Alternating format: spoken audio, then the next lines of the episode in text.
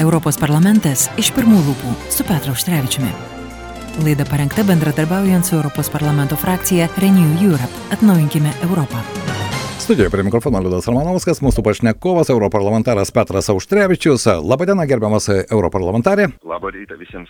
Be jokios abejonės šios savaitės karštos temos tai Lietuvos ryšiai su Taivanu, Taivano delegacija Lietuvoje, nuomonių pačių įvairiausių, Kinijos grėsmė ir jos irzlumas ir nepasitenkinimas. Kokia jūsų kaip europarlamentaro nuomonė?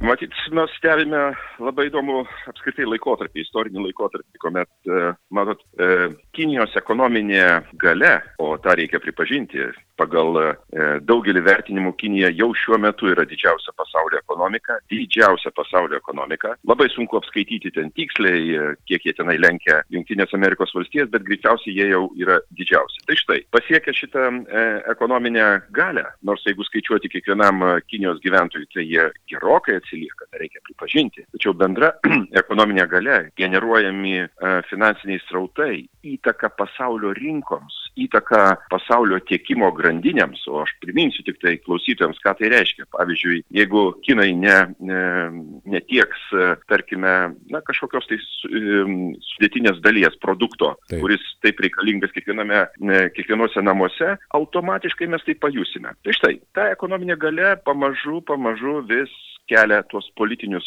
karinius ir kitus strateginius apetitus Kinijoje ir automatiškai, kadangi Kinija nėra demokratiška valstybė, nėra demokratiška valstybė, tai yra autokratiška valstybė, valdoma komunistų partijos, kur, reiškia, susirinkę ten 5000 ir kiek delegatų turėdami tik tai vieną mygtuką prieš save nubalsuoja vienus ar kitus sprendimus, tai štai mes ir matome tą transformaciją, kuomet demokratiškas pasaulis taiga susidūrė su tokios galingos, galingos globalių mastų valstybės vis labiau tokį, sakyčiau, na, agresyvų elgesį. Ir matyt, mes kaip valstybė, Lietuva ir ES vis labiau susidurime su šitom pasiekmėm. Na kągi, prieš keletą metų, na, prieš 5-6 metus mes prisiminame Kinijos vilionės, jų buvo visoje, ypatingai rytų Europoje ir investicijos milžiniškos buvo žadomos žvalgėsi jie ir Lietuvoje. Ir štai dabar tas Kinijos irzlumas dėl taivaniečių vizito Europoje, o delegacija lankėsi ir Čekijoje, ir Slovakijoje, ir atvyko į Lietuvą, tiesa, be savo užsienio reikalų ministro.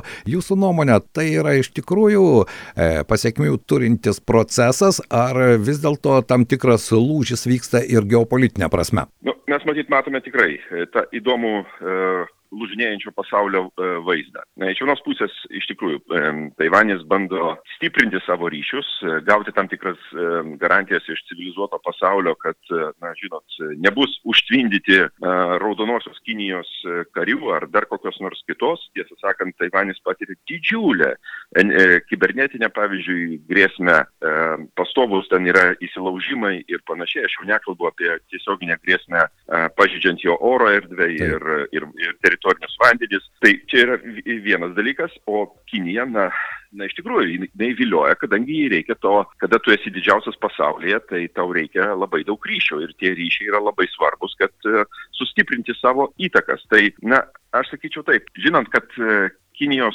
sprendimai yra, na, iš tikrųjų nukreipti vien tik tai savo savo pozicijų stiprinimui. Jie mažai rūpinasi, tiesą sakant, kitų pasaulių. tą reikia pripažinti. Kinijos, tarp kitko, vaidmuo jungtinėse e, tautose, padedant kitoms valstybėms, turėtų būti nepalyginamai didesnis. Žinant, kokią, kokią žalą daro kai kada į Kinijos investiciniai projektai, pavyzdžiui, trečiosiuose valstybėse, kaip Afrikoje arba Pietričių Azijoje, kur yra ištisas išnaudojimas, reiškia, tų valstybių. Tai aš manyčiau, kad Kinijai reikėtų pripažinti, kad uh, jie turėtų, sakyčiau, plačiau ir geronoriškiau žiūrėti į pasaulio problemas ir įnešti didesnį finansinį ir kitokį įnašą į pasaulio problemų sprendimą. Jūsų nuomonė, kiek Lietuva gali nukentėti, nes pareiškimai gana griežti, yra ambasadorių atšaukimai ir verslas kalba, jog nuostoliai gali būti kur kas didesni ir Taivanas tikrai nesugebės to kompensuoti. Ar vis dėlto čia vertybinė pusė yra jūsų nuomonė svarbesnė, ar gal geriau palaukti, atsitraukti ir tą Taivano atstovybę pavadinti taip, kaip ir daugelį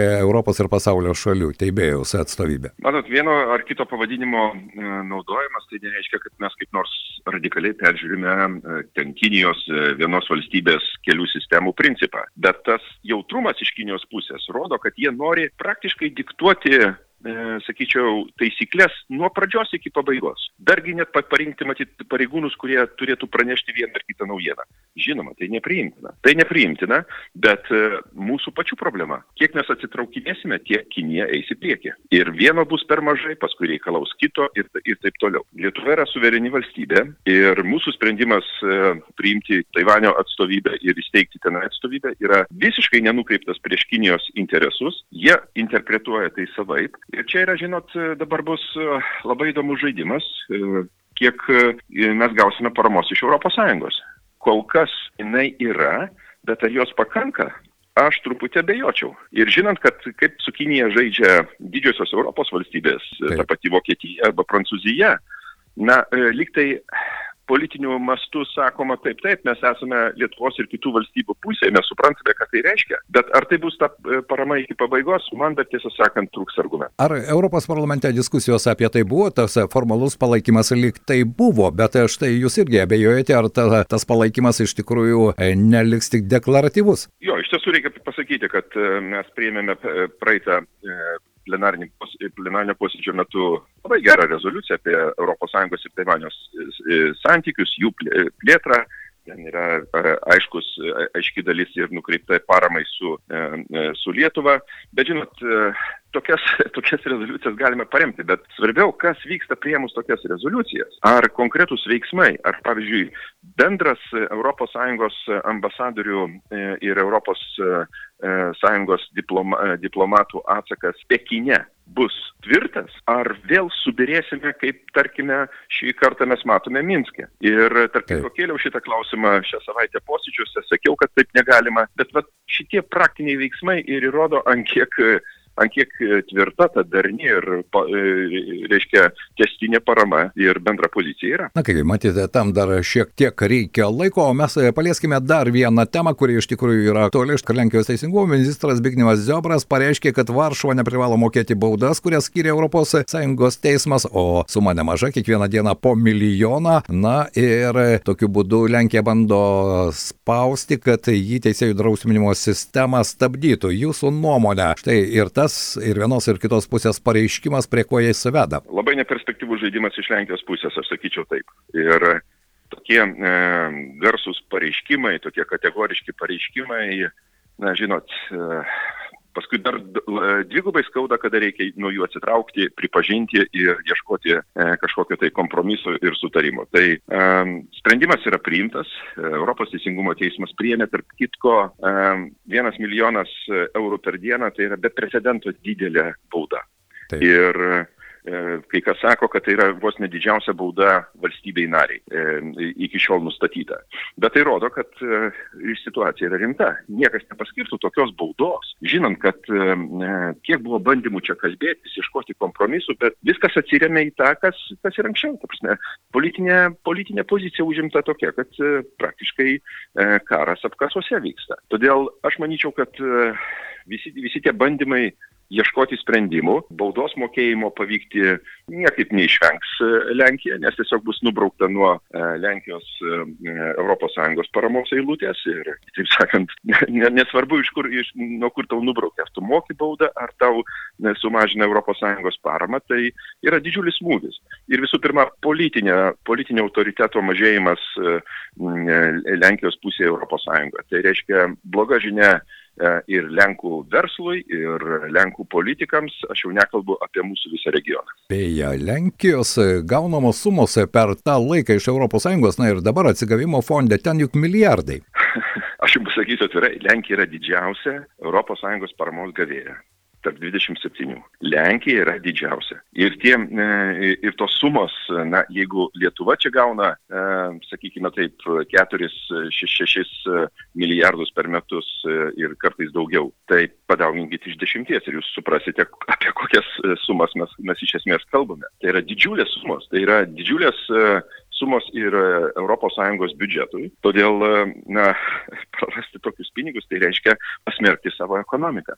Lenkijos ekonomika, Lenkijos infrastruktūra plėtojama praktiškai išimtinai ES paramos atžvilgiu. Taip pat kaip ir Lietuvoje. Čia nieko Taip. nėra naujo, tarp kitko už tai reikia padėkoti, bet e, tokios yra ES žaidimo taisyklės. Mažiau išsivyščiusiom valstybėm reikia padėti, kad jos pasiektų e, bendrą išsivystymo lygį. Todėl Jeigu šita perspektyva išnyks Lenkijoje, na, aš nežinau, kokia politinė partija gali išlikti valdžioje. Na kągi, štai tokios mūsų pašnekovo Petro Užtrevičiaus išvalgos kalbant apie Taivaną ir Lenkiją ir negali, negaliu mūsų pokalbėje nepaliesti, žinoma, Baltarusijos klausimo, kuris dabar lygtai nutolęs nuo visų tų aktualių problemų, kurios siaučia Europoje ir pasaulyje, bet Baltarusijos prezidentas vakar apkaltino vakarų šalis ieškant preteksto telkti savo paėgas prie sienos ir jis jau kalba ne apie Baltarusijos, o bendros valstybės sieną, turėdamas omeny Lenkijos pareiškimą, kad norėdami stabdyti nelegalią migraciją, jie ten dislokuos apie 10 tūkstančių karių. Štai, ar tas Baltarusijos klausimas iš esmės dabar mažai aktualus? Lietuvoje viešėjęs Estijos prezidentas sako, jog sankcijų varštelius reikėtų veršti. Ne. Liudai, turiu pasakyti, kad e, Baltarusijos klausimas nepamirštas, e, yra pastovi aptarinėjamas tiek komitetuose, tiek ES institucijose. E, matot, jis jau pakilo į tokį lygį, kada negali nebūti pastebėtas. Ir čia yra gerai, ta prasme, tam tikra parama ir mums, nes mes vieni nesusitvarkytumėm su tokiu, atsiprašau, bepročiu um, diktatorium šalia šalia mūsų sienos. Mūsų sienos yra labai ilgos, tik priminsiu, kad bendra siena ko ne 700 km taip. ir panašiai, yra visokių ryšių ir taip toliau. Kitaip tariant, e, mums pasilikti prieš tą diktatorių, kuri besąlygiškai praktiškai, galima sakyti, e, finansiškai, politiškai ir karinių atžvilgių remia Kremlius, būtų didžiulė e, grėsmė mūsų valstybingumui. Todėl mes aptarinėjom ES šitą klausimą. Šiuo metu ruošiamas penktas sankcijų paketas. Jis bus ganėtinai skaudus, nes atrodo jau visų, kaip sakyt, kantrybė baigėsi, visi suprato, kad Lukašenka yra pablūdęs, ta prasme, savo e, mąstymuose, yra nedekvatus. Pažiūrėkite, kaip jis elgėsi e, ligoninėje, e, nuvykęs va, šią savaitę ligoninėje, kuomet pasmerkė kaukių naudojimą ir panašiai, kuomet COVID situacija Baltarusijoje yra tikrai tragiška ganėtinai. Tai, nu, ką, ką čia sakyti, kai namuose kažkas tai švaistosi su kirviu, ar ne, ir grasina per balkoną kaimynams, na, atitinkamai reikia imtis priemonių, ta prasme, arba medicininių, arba e, teisės saugos. Todėl mes matyt naudojame ir vieną, ir kitą. Ir e, tikrai dėmesys e, Baltarusijoje yra. Tik vienas dalykas, matyt, turėtų būti suprastas Sąjungoje. Štai dabar vyksta diskusija, tai finansuoti tą sieną ar nesfinansuoti. Aš manau, kad tas toks kategoriškas pasakymas, kad nefinansuosime sienos statybos yra blogas ženklas. Blogas ženklas. Tai nereiškia, kad sienos bus statomos Europos Sąjungoje. Ne, mes apsisaugome nuo neprognozuojamų diktatoriaus veiksmų, bet e, nepadės Europos Sąjunga. Mes rasime savo pinigų, bet e, mes turime rūpintis ir savo valstybės saugumu. Todėl galbūt va čia va vienintelis trūkumas, kuo mes dar neįtikinom Bruselio, bet e, nereikia prarasti vilties. Kągi, tikėkime, kad taip ir bus. Mūsų pašnekovas buvo europarlamentaras Petras Auštrevičius. Ačiū Jums už Jūsų išvalgas ir geros dienos. Geros dienos. Europos parlamentas iš pirmų lūpų su Petru Auštrevičiumi. Laida parengta bendradarbiaujant su Europos parlamento frakcija Renew Europe. Atnaujinkime Europą.